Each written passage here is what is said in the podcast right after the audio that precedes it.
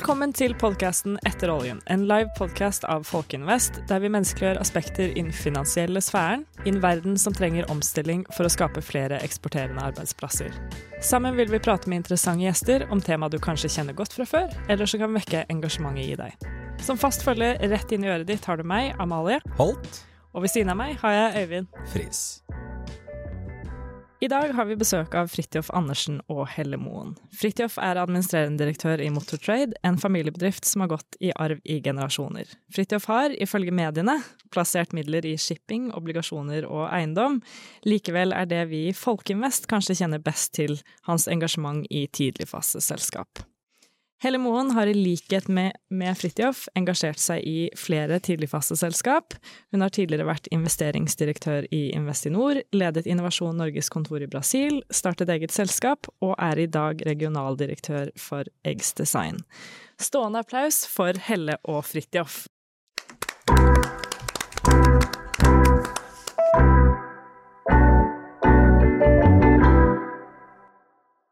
Hjertelig velkommen skal dere være. Eh, takk for at dere hadde både tid og anledning til å stille opp. Det setter vi eh, stor pris på. Eh, før vi kommer i gang, eh, kanskje dere har lyst på noe å drikke eller å tygge på. Vi har både øl og vin og brus og Farris. Fridtjof, Jeg ser du har Karlsberg, men det er tirsdag og jeg kjører bil, så jeg går for vann, jeg. det gjør det? Ja. Vann, da må det bli Farris. Må bli Farris der, ja. Fungerer bra. Helle? Jeg kjører ikke bil, men siden Fridtjof ikke skal ha, så kan jeg sitte her og drikke øl alene. Så jeg, får, eh, jeg tar litt brus, jeg, tenker Ja. jeg. Tar den der du Mozell-tingen. Mozellen skal du få. Takk. Øyvind, hva skal du ha? Nei, jeg, jeg tar kanskje litt uh, Villa Farris, jeg tror jeg. Det er en av mine favoritter. Vær så god. Ja ja, har det skjedd noe artig i dag, eh, folkens? Ja. Ja, Helle? Har, er. Hva kan du berette? Jeg kommer rett ifra en heldags eh, workshop med noen kunder som eh, har kjempeambisjoner om å samarbeide på tvers om å skape en stor visjonær sak. Mm. Jeg kan ikke si detaljene, men det var veldig gøy. Ja. Og veldig slitsomt. En artig arbeidsdag. Veldig artig arbeidsdag. Så bra. Og du, Fridtjof? Ja, ja, artig, artig. Det er kanskje det artigste jo, var å kjøre min sønn på skolen. Så det var en rask tur innom kontoret, og så har jeg jobba med venture hele dag inntil jeg kom hit nå. Ja. Eh, artig var det ikke, det var jævlig krevende. Ja. Men eh, jeg sitter i styret som i et venturefond som heter Viking Venture. Ja. Så det har jeg jobbet med i dag. Ja, Og nå er jeg her, her, og det har jeg gleda meg veldig til. Ja, så kult! Ja. Jeg har vært hos tannlegen. Ja, det er Øyvinds største frykt. Ja, jeg skal ikke opp i hva tannlegen heter, men uh, hvis man kan kalle det Mr. Mengele, så er det jo ikke langt unna. Nei da, det gikk ganske bra, altså. Ok. Da er det tvisten, eh, den berømte tvisten. I eh, Folkeinvest har vi for vane å egentlig lese litt folk ut fra hvilken twist de velger. Det liker i hvert fall Øyvind veldig godt. Så da er spørsmålet hvilken twist i twistposen liker dere aller best? Jeg vil ha banan. Banan. Finner du banan? Mm. Jeg, er, jeg er en 80 år gammel dame i, inni meg, Ja, ja, ja. Nei, det er så jo den tar jeg. typisk karakteristikken, det, da. Hvis man er en banantvistelsker. Og du, Fridtjof?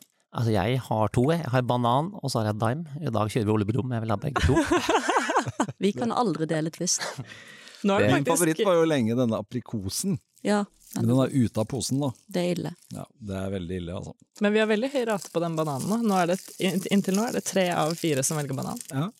Har dere litt høy snittalder på gjestene? Vi skal se litt på snittalderen for de kommende episodene. Det er snittalder på Daim dime, da. Ja, den er veldig mye lavere. Det er eh, 2-23 år, faktisk. Da Tar jeg to dime. Ja, du får kjøre på. Eh, Fridtjof, i forrige episode så hadde vi besøk av eh, blant annet eh, Arnstein Hellem, og han hadde et par spørsmål til deg, så jeg tenkte jeg skulle stille de av, spille de av, og at du skulle få lov til å svare så godt som du kan. Eh, du kan spørre om hvordan det var å være eh, sommervikar på en fyrstikkfabrikk i Istanbul. Det skal jeg gjøre. Eller du kan spørre om eh, hvordan det var å gå på Almas danseskole og ha fast danser eh, på hver, eh, på hver eh, onsdag når de var på dansetrening. Det første jeg lurer på, er jo hvilket spørsmål du finner mest attraktivt å svare på. Først må jeg jo si tusen takk til min gode venn Arnstein, da. Det var jo et fantastisk spørsmål. Eh, det var det er riktig, det. Jeg har meddelt dem til Arnstein. Det var to magiske opplevelser. Det ene var da midt på 80-tallet, hvor jeg da bodde en fire måneder i Istanbul. Eh, Den andre var faktisk fra midten av 70-tallet, hvor jeg gikk på danseskolen. Vi kan begynne med den, da. Ja. for Jeg gikk på, på Almas danseskole, og jeg skjønte tidlig at her var det viktig å kapre seg en fastdanser. Fordi at selv om vi gutta fikk beskjed om å gå rolig over bordet og engasjere de jentene som sto der, så var det ikke sånn det fungerte. Det var den sterkeste kamp. Da var det en som gikk rolig over det gulvet, det var meg, for jeg hadde selvfølgelig min faste danser inne. Og vi dansa sammen, vi i seks, sju, åtte år. Og det var artig, faktisk, og etter det så skiltes vi, for da slutta jeg på danseskolen, da kom jeg i ungdomstiden. Så traff jeg hun igjen, faktisk da på et juleselskap hos Arnstein. Og vi hadde ikke sett hverandre på 35 år, det var like magisk. Vi huska liksom når vi sto og spiste boller, vi huska ja. masse seanser. Fabelaktig. Eh, så det gamle relasjoner ruster aldri. Nei. Jeg tror faktisk vi danset en kveld nå. Det var cha-cha-cha, rømme og alt det der. Ja, ja, det er den reneste Karsten Saverik. Så, så det, var, det var den danse... Den, det, andre jeg refererte til det andre, var eh, Jeg hadde en Isaac Trini-jobb eh, i Istanbul, og det var litt artig, vet du, fordi at det her var midt på 80-tallet. Og da var ikke tyrkere så veldig anerkjent i Norden, for det var en del bråk med dem i Sverige. Så jeg husker fortsatt ansiktet til min, til min mor, og jeg sa at nå drar jeg til Tyrkia. Så hun var relativt nervøs, men det var en fantastisk opplevelse. Kanskje ikke arbeidsmessig, men med, med den smelt, smeltedigelen, ikke sant, med midt mellom øst og vest og muslimer og religion. Og veldig lærerikt og veldig spennende. Så jeg anbefaler alle unge lyttere, kom dere ut i verden og lær og sug til dere kunnskap. Helt enig. Og det må være et, eh, et eh, godt råd. Det er jeg helt sikker på. Jeg har to år i Singapore og ett år i UK, og utrolig lærerikt å være noen år ute og oppleve hvordan andre kulturer har valgt å løse de samme utfordringene som de mange av oss har. Da. ja, og ikke minst hvordan vi selv løser det i møte med andre kulturer. Testa litt ut fordommene. Ja, Mm. Definitivt. Du kan lære fag på skolen, vet du. du kultur lærer du med å møte mennesker, og helst da ute. Ja. Og det tror jeg er veldig verdifullt i business. Det at du er god på relasjoner og alt det der. Mm. Definitivt. Veldig gode spise, historier, i nå må jeg spise diamen min. Ja, må. Nå må du spise, så kan jeg stille spørsmål til Ja. Helle i mellomtiden. For i hver episode så ønsker vi at eh, våre gjester skal fortelle en historie. Og det kan være en seier, et nederlag, en artig tur, en god investering, en eh, Ja, historien velger du sjøl. Og siden vi er to i dag, så har vi trukket en av dere, og jeg trakk da Helle. Så Helle, Ja. har du en god historie? Uh, Det kan vi jo lure litt på. Um, jeg velger jo selvfølgelig å fortelle historier hvor jeg uh, ikke er så heldig, for det tror jeg er morsommere og litt uh, lettere å lære av for andre. Um, jeg tenkte litt på det, da. at Det bør jo handle om investeringer, tenker jeg, på, siden vi nå er her. Ja. Og eh, jeg har jo vært med i min tid på en del ikke spesielt vellykka og ganske store tap. Men jeg tenker at det er ikke noe gøy å nevne der hvor andre har vært inne og gjort feil òg. Det er litt artigere der hvor det bare er meg, da.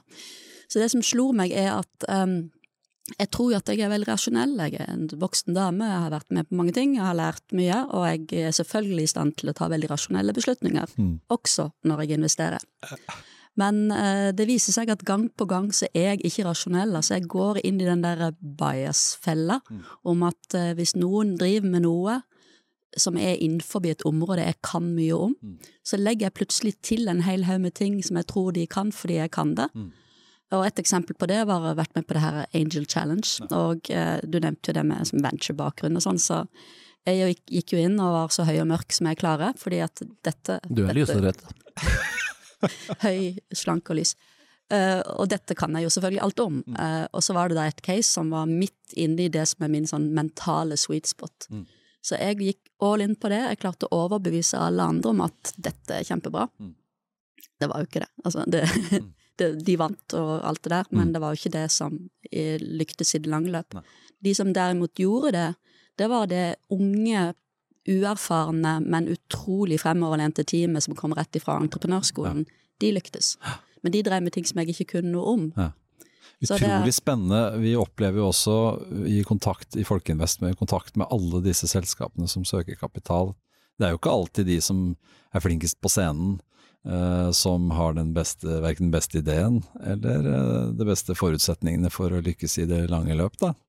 Så, så spennende. Hva, hva tenker du etter det liksom er eh, erfaringen med den uh... Nei, erfaringen er at det kommer jeg sikkert til å gjøre igjen, men kanskje jeg er litt mer lydhør for andre. Uh, Jeg fikk vel eh, jekka meg sjøl ned et par hakk der, tror jeg. Håper jeg. Takk for at du, ja, og takk for at du delte, Helle.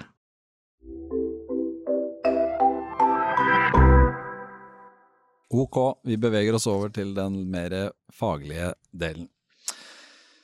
I Norge så er det jo vanlig å definere små og mellomstore bedrifter som bedrifter der under 100 ansatte er små og mellomstore, og de over er store. I de små og mellomstore bedriftene så er det da de som er eh, under 20 er eh, små, og de som er mellom 20 og 100 er mellomstore bedrifter. Eh, små og mellomstore bedrifter kalles på kort for SMB-er. Og disse SMB-ene er jo å betrakte, etter vårt skjønn, som grunnmuren i samfunnet vårt. SMB-er utgjør i Norge mer enn 99% av alle bedrifter, og står samla sett for nesten halvparten av den årlige verdiskapingen, på nær 700 milliarder norske kroner. Samtidig så opplever 80% av disse bedriftene ingen vekst. Vi tenker at man må ha et klima der eh, SMB-er kan vokse. Ifølge Statistisk sentralbyrå så ble det, det ble mange, så ble det i 2018 avviklet omtrent 6000 selskap, eh, som er et stort tall. I Folkeinvest så er vår erfaring at mange av disse avvikles som følge av manglende tilgang på kapital. Eh, dette kan, eh, dette kan beskrives gjennom hvor ofte Folkeinvest får henvendelser, mange hundre selskap i året som, som er på søken etter den første kapitalen. Og da spør vi oss jo, blir dere kontakta eh, som erfarne ringrever eh, på investeringssiden? Blir dere, får dere noen eh, henvendelser i løpet av et år av selskap som trenger kapital? Fridtjof? Hmm. Nå, nå, ble jeg litt usikker på hva jeg skal svare, da. Hvis jeg sier nei nå, så får jeg kanskje masse, og hvis jeg sier altfor mye, så får jeg ingen. Så jo da, jeg, jeg får noen. Eh, det gjør jeg, eh, og jeg får for så vidt nok også. Eh, og så tenker jeg det at det er derfor jeg er så opptatt av Folkeinvest, vet du. Mm. og for det er ikke sånne gamle kapitalister som meg som skal ha liksom førsteretten på alle deal-flommen. Mm. Folkeinvest, altså Min tanke til Folkeinvest er at det, det er jo en demokratisering av deal-flommen. Mm. Ikke sant? At hvor alle kan få, få muligheten. Ja. Ikke bare en sånn ja, en kapitalist i hermetegn eh, som meg. Ja. Eh, og ikke minst alle de selskapene, ikke sant, som når jeg sier nei kanskje ni av ti ganger, mm. så har de mulighet til å gå til andre. Mm. Og det, så Derfor syns jeg Folkeinvest er et fantastisk selskap. Så Jeg håper egentlig at det kommer mer hendelser til, dere enn det kommer til meg. Ja. Ja. Det syns jeg er uh, kult, da. At du på en måte er uh, opptatt av å dele muligheten. Du har jo sett muligheten med å investere, vil jeg anta, da, og så har du lyst til å dele den muligheten med resten av samfunnet. Det blir flere som investerer, ja. og jeg tror at det er det samfunnet går inn i. ikke sant? Hvor flere skal eie en del av bedriften sin, og, og eie flere bedrifter. Mm. Det tror jeg må til hvis du skal bringe Norge videre. Ja. Helt klart. Har du noe erfaring med henvendelser på samme Nå, Da har jeg ikke så mye penger som Fridtjof, da, tror jeg. Men, ikke si eh, sånt. men ja, jeg får jo noen henvendelser, jeg gjør det. Og jeg treffer jo ganske mange tidligfaseselskap gjennom jobb i mm. tillegg. Mm.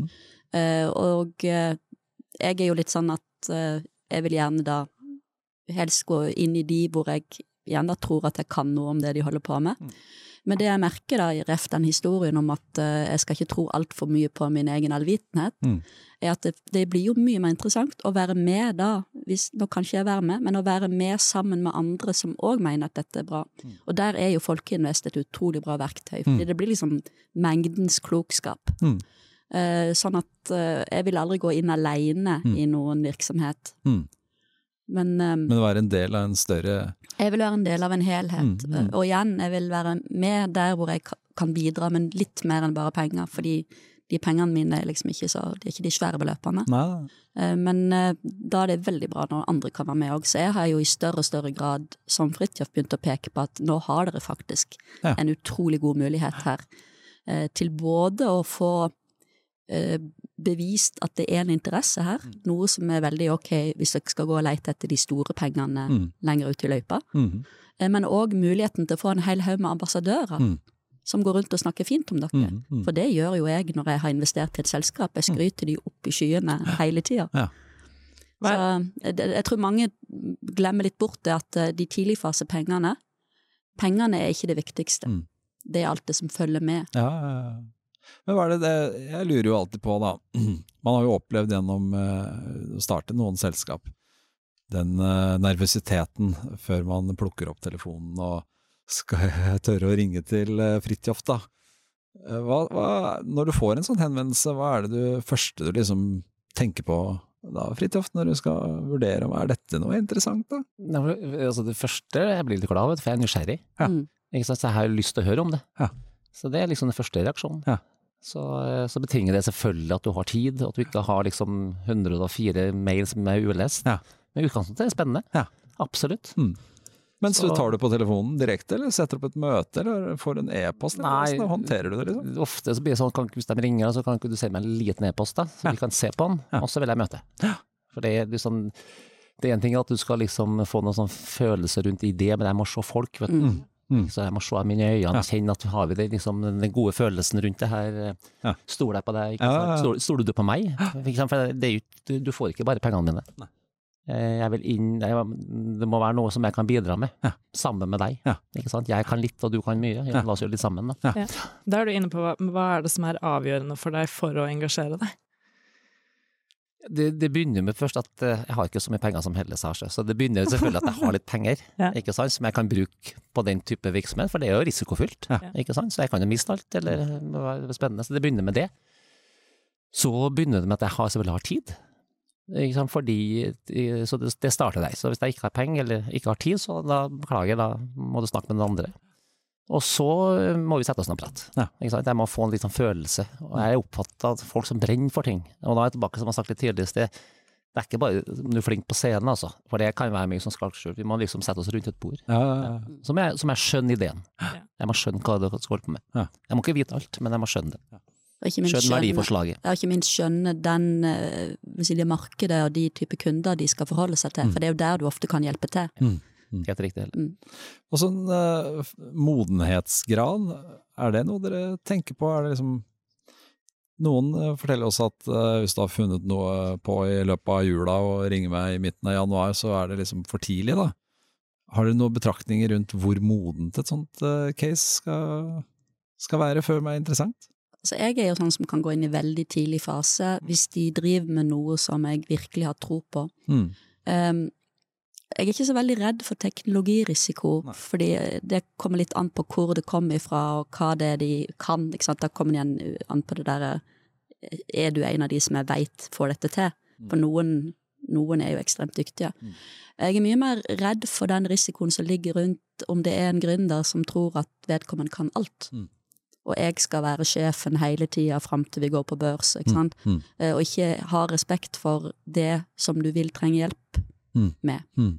Så liksom, gammelt jungelord er jo at de rette folkene kan lykkes med hva som helst. Mm. Og det er noe i det. Ja.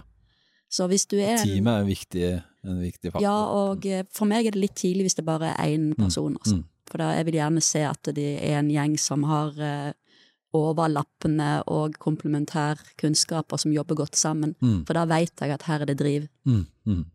Så teknologirisiko, det kan jeg leve godt med. Men eh, den der følelsen av at eh, her er det en sololøper som ikke er noe god å samarbeide med, Mm. den er ikke så bra for meg.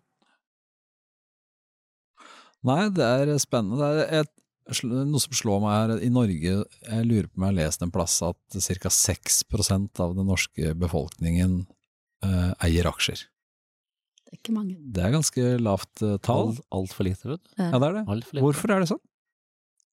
Har dere noen tanker rundt eh, hvorfor det er sånn i Norge? Jeg lurer på om eh, I USA er det 60, 60 i USA, eller 80 tror jeg kanskje. Ja. Det har jo noe med hele sikkerhetsmodellen vår å gjøre, tenker jeg. ikke sant? At eh, vi har jo vår pensjonsordning, så der er vi safe. I USA, jeg har jo bodd der som ganske ung, Mm. eh, der var, hadde de jo sånn aksjeklubb. Mm. Eh, gamle mennesker satt og Mm. diskuterte investeringene sine, for det var jo det de skulle leve av, Ja. avkastningen. Ja.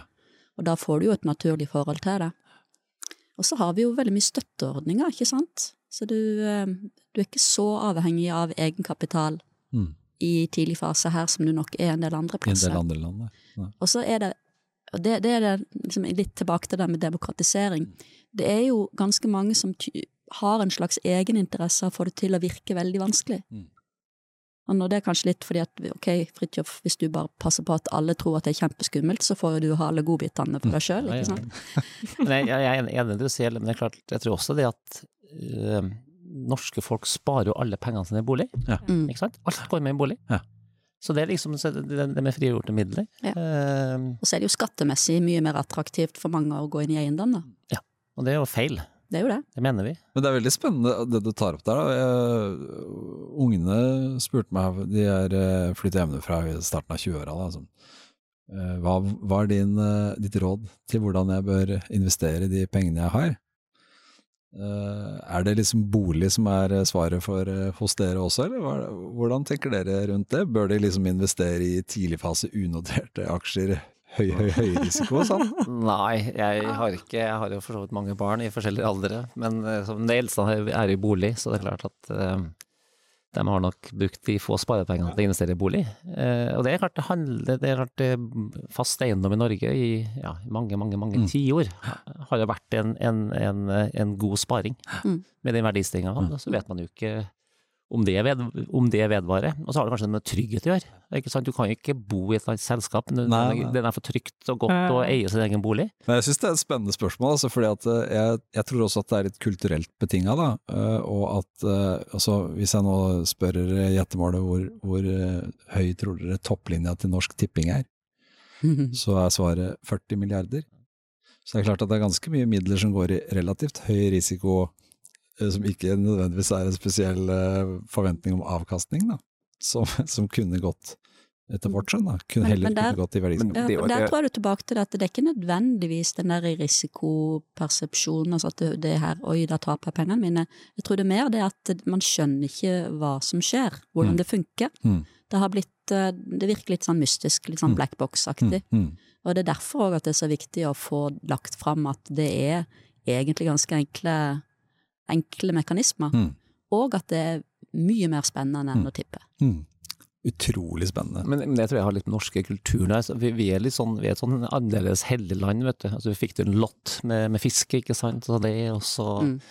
så, så, så, Den svenske kulturen er veldig annerledes, ikke sant. For det er en, det er en annen type kultur. Mm. Så vi er litt sånn lotto, lottokultur. Ja, ja, Og Vi skal ikke snakke om det her, men jeg syns det er helt paradoks, ikke sant. At staten kan stå og, og, og, og bruke masse markedsføring på at folk kan tippe på lotto. Ja. man, liksom, du skal ikke være en stor matematiker og skjønne at dette er bortkasta penger, Ja, ja. ikke sant. Men Ja, det det- gjør norske stat. Ja, det er sånn. Så, men det kan vi, ta, til- vi kan ta det på et annet radioprogram. Ja, vi kan gjøre det. Men det, det er et element til der, og det handler jo òg litt om sånn holdning til det og hvordan man tjener penger, Mm. og hva som er liksom ok og ikke ok. Mm. Det er ok å bli rik på lottovinning. Det er ok å bli rik hvis du er fotballspiller. Men eh, hvis du blir rik på at du har investert og hjulpet til å skape arbeidsplasser, Mm. og lykkes med det, Det er den, er ikke, mindre. den er ikke helt god, liksom. Ja, det er sånn. Da det, er litt skurkeaktig. Mm. Eh, ja. Og der er det noe som vi er nødt til å gjøre noe med. Altså få alminneliggjort det med investeringer. Og en ting vi får veldig mange spørsmål om, Øyvind, er jo nettopp hvordan blir man liksom, hvordan, hvordan får jeg noe ut fra investeringen min? Da? Hvordan kan jeg, kan jeg på lang sikt realisere den? Og det er det veldig mange som jeg tror som ikke forstår, som gjør at det blir farlig på et vis. Mm. Eh, kan dere si noe om liksom, tankene rundt det? Hvordan, hva tenker når du investerer i ti selskap, hva er bakgrunnen for det, og at du ikke bare investerer i ett, for eksempel? Altså, jeg, tenker jo litt portefølje utover antall selskaper. Så sånn apropos det med bolig. Jeg var en av de heldige som investerte i bolig akkurat når prisene var i bånn. Så jeg har hatt en veldig hyggelig prisstigning, eh, verdistigning på min bolig. Og det har da liksom tok opp eh, ekstra lån, og jeg var med på en, fikk muligheten til å være med og investere i en, i en eiendom, da, en stor sånn næringseiendom. Mm. Um, som selvfølgelig blir gira med masse lån, sånn at uh, min Giring, hva betyr det? ja, Det betyr at du matcher egenkapitalen med lån. Bankene aksepterer å gi deg si 80% lån. Mm. Stor inn. andel av totalbeløpet er et lånbeløp. Ja. Det er det. Og det betyr at du trenger ikke så mye cash på labben, liksom. Du kan kjøpe en ganske bra eiendom Mm. for ikke så mye egenkapital, for det er veldig trygt og sikkert. Mm. Men det var uansett sånn at eh, det som ble forespeilt som avkastning på den, var mye, mye mer enn det som er kostnaden på de pengene, da. Mm. For lånerenta er jo lav i, i Norge i dag. Mm. Uh, og der er det en veldig hyggelig avkastning på Mm. den biten der. Mm. Og de pengene der, de bruker jeg å investere i mm. tidlig fase. Ja. Uh, men det er penger som jeg da har råd til å tape, Ja, og det er litt viktig. gevinsten på en måte, sant? Ja, så det, det er jo litt inn på det der med spillet igjen, at eh, sannsynligheten for at eh, noe særlig mer enn et par av de ti lykkes, er jo dessverre ikke så veldig høy, og min personlige rekord er ikke så god akkurat nå, men over tid så regner jeg jo kanskje med at en eller to av de der skal bli kule Mm. og gjøre det riktig bra. Men det er jo riktig det- det. Altså, all, all statistikk viser det at eh, det er kanskje to av ti ventures som da, som da lykkes. Så det må være penger ikke sant, som du ikke må ha i dag, og du kan risikere å tape noe. Så hvis du har ti kroner da, som du kan si skal investere i, så må du ikke legge alt i den type ting. Du må ha kanskje noe i banken eller noen andre plasser. Så spre i forskjellige uh, muligheter. Ja. Er Det- det, dere peker jeg, på begge to? Jeg gjør noe sånn, i hvert fall. Det Ja. jeg holder på med. Mm. Og Jeg tror de fleste andre, gjør det. andre, anbefaler det også. Mm. Ellers så blir det lotto, da. Mm. Da legger du alt i en pott. Ja. Da kan du selvfølgelig være gammel over at du er heldig. Men Så i folkeinvest-sammenheng så ville du da typisk, basert på sånn jeg forstår det dere sier, altså hadde man 100 000 så er det bedre å putte 10 000 i 10 case enn å putte 100 000 i ett case. ja. Definitivt. Ja. Det er viktig takeaway, tenker jeg da. Men det er en annen ting òg, da, og det er jo når du skal investere i tidlig fase, så er det veldig, opp, veldig sannsynlig at det selskapet vil trenge mer penger Mm. etter hvert som de skal gjøre flere ting. Så det er lurt å tenke litt sånn nå at eh, du bør ha muligheten til å være med mer enn én en gang. Mm. Iallfall hvis du har lyst til å være med og liksom eh, følge selskapet og Ja. jobbe litt aktivt med dem. Eh, For hvis ikke så kan det bli litt krevende for det selskapet hvis alle som går inn, bare kan være med den ene gangen. Mm. Mm. Da er vi inne på det å, liksom det å følge det videre og det å kunne engasjere seg i selskapet, og det møter vi jo mange investorer som er interessert i, nettopp å følge selskapet litt uavhengig av hvilken andel du har i selskapet. Hva gjør dere når dere engasjerer dere i selskapet? Er det i, som en styreplass, eller er det på andre måter? Før, når, når jeg trodde at jeg skulle være frilans resten av livet, og før jeg plutselig fant ut at jeg skulle ikke, og, og hadde, fikk meg jobb i Eggs, så um, da vil jeg veldig gjerne ha styreplass. Og følge opp ganske tett og være der, fordi det er igjen at jeg vil gjerne bidra med noe mer enn bare pengene. Og gjennom styret er jo en veldig god måte å gjøre det på. Da er du i, da, i jevnlig kontakt. Mm. Uh, nå har jeg ikke tid til å være med i alle styrer, uh, men da er det mer det der å stikke innom og prate med dem og bli kjent med Mm. teamet, da. Mm. Og være tilgjengelig. For det er en veldig sterk kompetansedelingskultur, har jeg min erfaring med å bo i utlandet, da, i Norge. Ja, Så Norge er ganske gode på liksom å ikke være å holde kortene for tett til brystet og miste muligheter. For veldig mange av de som deler kompetanse, får jo også ny kompetanse gjennom å dele. Så det var min erfaring i hvert fall. da. Er dere enig i det?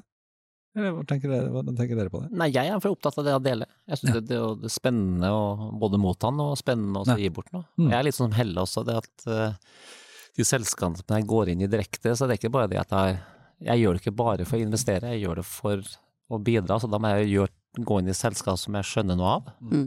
Og det er klart, da vil jeg være med og bare bli informert og være med å påvirke. Så i utgangspunktet går jeg inn og har styreplass. Ellers så må tror jeg også det er viktig at eh, For alle kan ikke sitte i styret. Så da må eh, den startupen eller det ventureselskapet lage møtearenaer, ikke sant? hvor man da snakker med sine investorer. Mm, mm. Og, og investorer har muligheten til å gi spørsmål og tilbakemelding til selskapet. Mm. Og det vil jeg anbefale ethvert sånt selskap, for det kommer en dag hvor de har behov for penger. Mm. Stort sett. Mm. Og da må de investorene dine, og medeierne dine, de, er medeiere, Mm.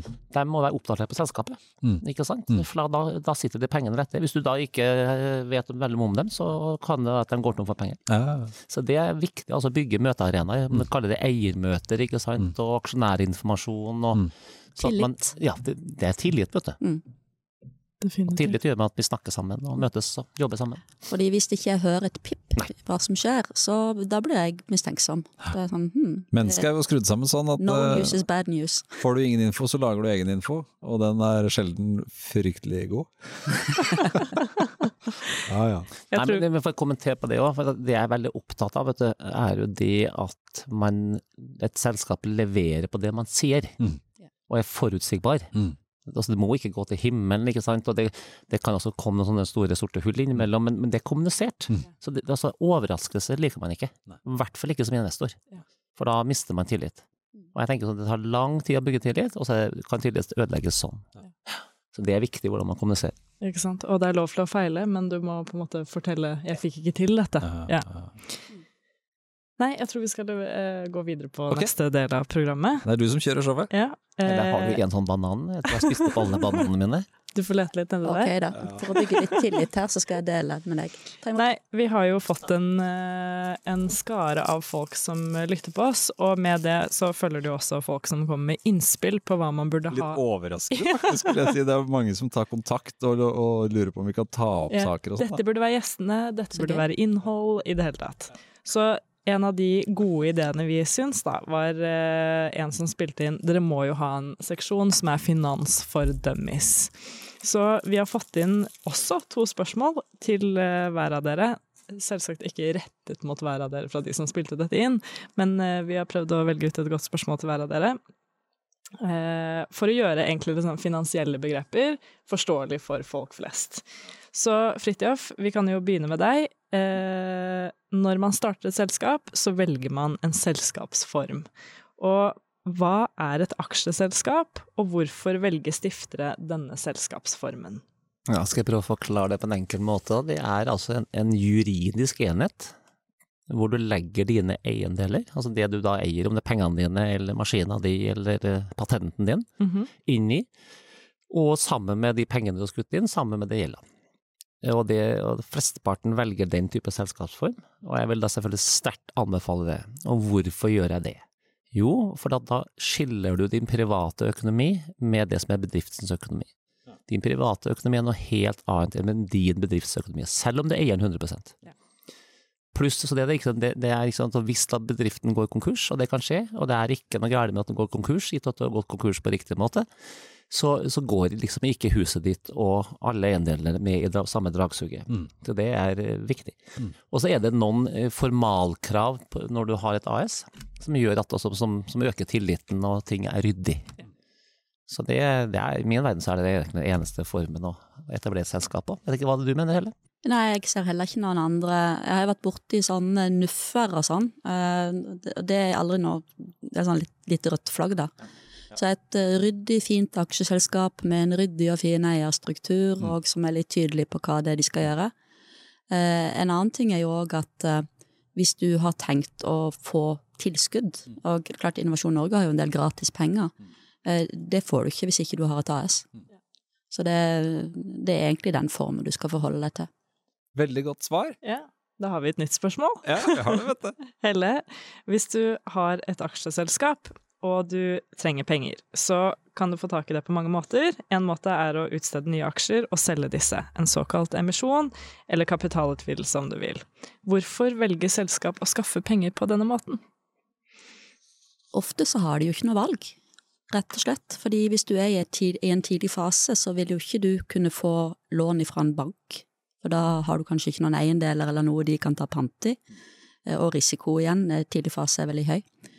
Eh, en annen ting er det vi snakka om tidligere, at eh, det er jo ikke bare penger du får når du henter inn investorer, du får jo òg den kompetansen og det nettverket de har, og det er kanskje det aller viktigste. Så det vi kaller for kompetent kapital. Mm. Um, ja, og så er det òg da veldig ofte hvis du skal hente støtte fra Innovasjon Norge eller Forskningsrådet eller andre, så er det òg krav til å matche med egenkapital. Mm. Så da trenger du det. Mm. Men det hele går jo på, igjen på å bygge et solid fundament mm. av partnere som har en felles interesse mm. i at dette skal gå bra. Mm. Ja. Det var bra. For meg syntes det som to eh, forståelige og, og greie svar. Ja. Kanskje vi får tilbakemelding fra uh, lytterne på at uh, det er oppfølgingsspørsmål? Det får vi se. uh, Jeg tenker at vi skal eh, gå inn for en slags uh, krasjlanding. Vi forsøker å holde dere ikke lenger enn en halvtime her. Så som en siste del av programmet, siden du ble utsatt for spørsmål, Fridtjof, så skal du få stille et spørsmål til vår neste gjest. Og vår neste gjest er blant annet Berit Rian. Så har du et uh, godt spørsmål? Ja, få se da. Hei Berit, jeg har fått gleden av å stille et spørsmål. Du, og, du og næringsforeningen din har gjort fantastisk mye godt for byen vår. Nå skjer det mye ikke sant, i byen vår, på mange måter, eh, som treffer oss. Og jeg er helt sikker på at du har en drøm og en visjon hvordan den byen vår skal se ut om tre år, eller om fire år, det spiller ikke noen rolle, på hvordan vi skal da samordne både med næringsliv og handel og dem som bor og lever i byen. Så formidle det til lytterne våre. Tusen takk, Berit. Takk, Fridtjof, og takk til deg, Helle. Og så takker vi for følget til alle våre lyttere. Vi ses igjen Bare om én sjokolade til. Ja, kjør på, kjør på. Ta all sjokoladen! Du får ikke den siste bananbiten, altså. Der, der setter vi ned foten. Vi snakkes igjen om 14 dager. Takk for følget. Ha det godt.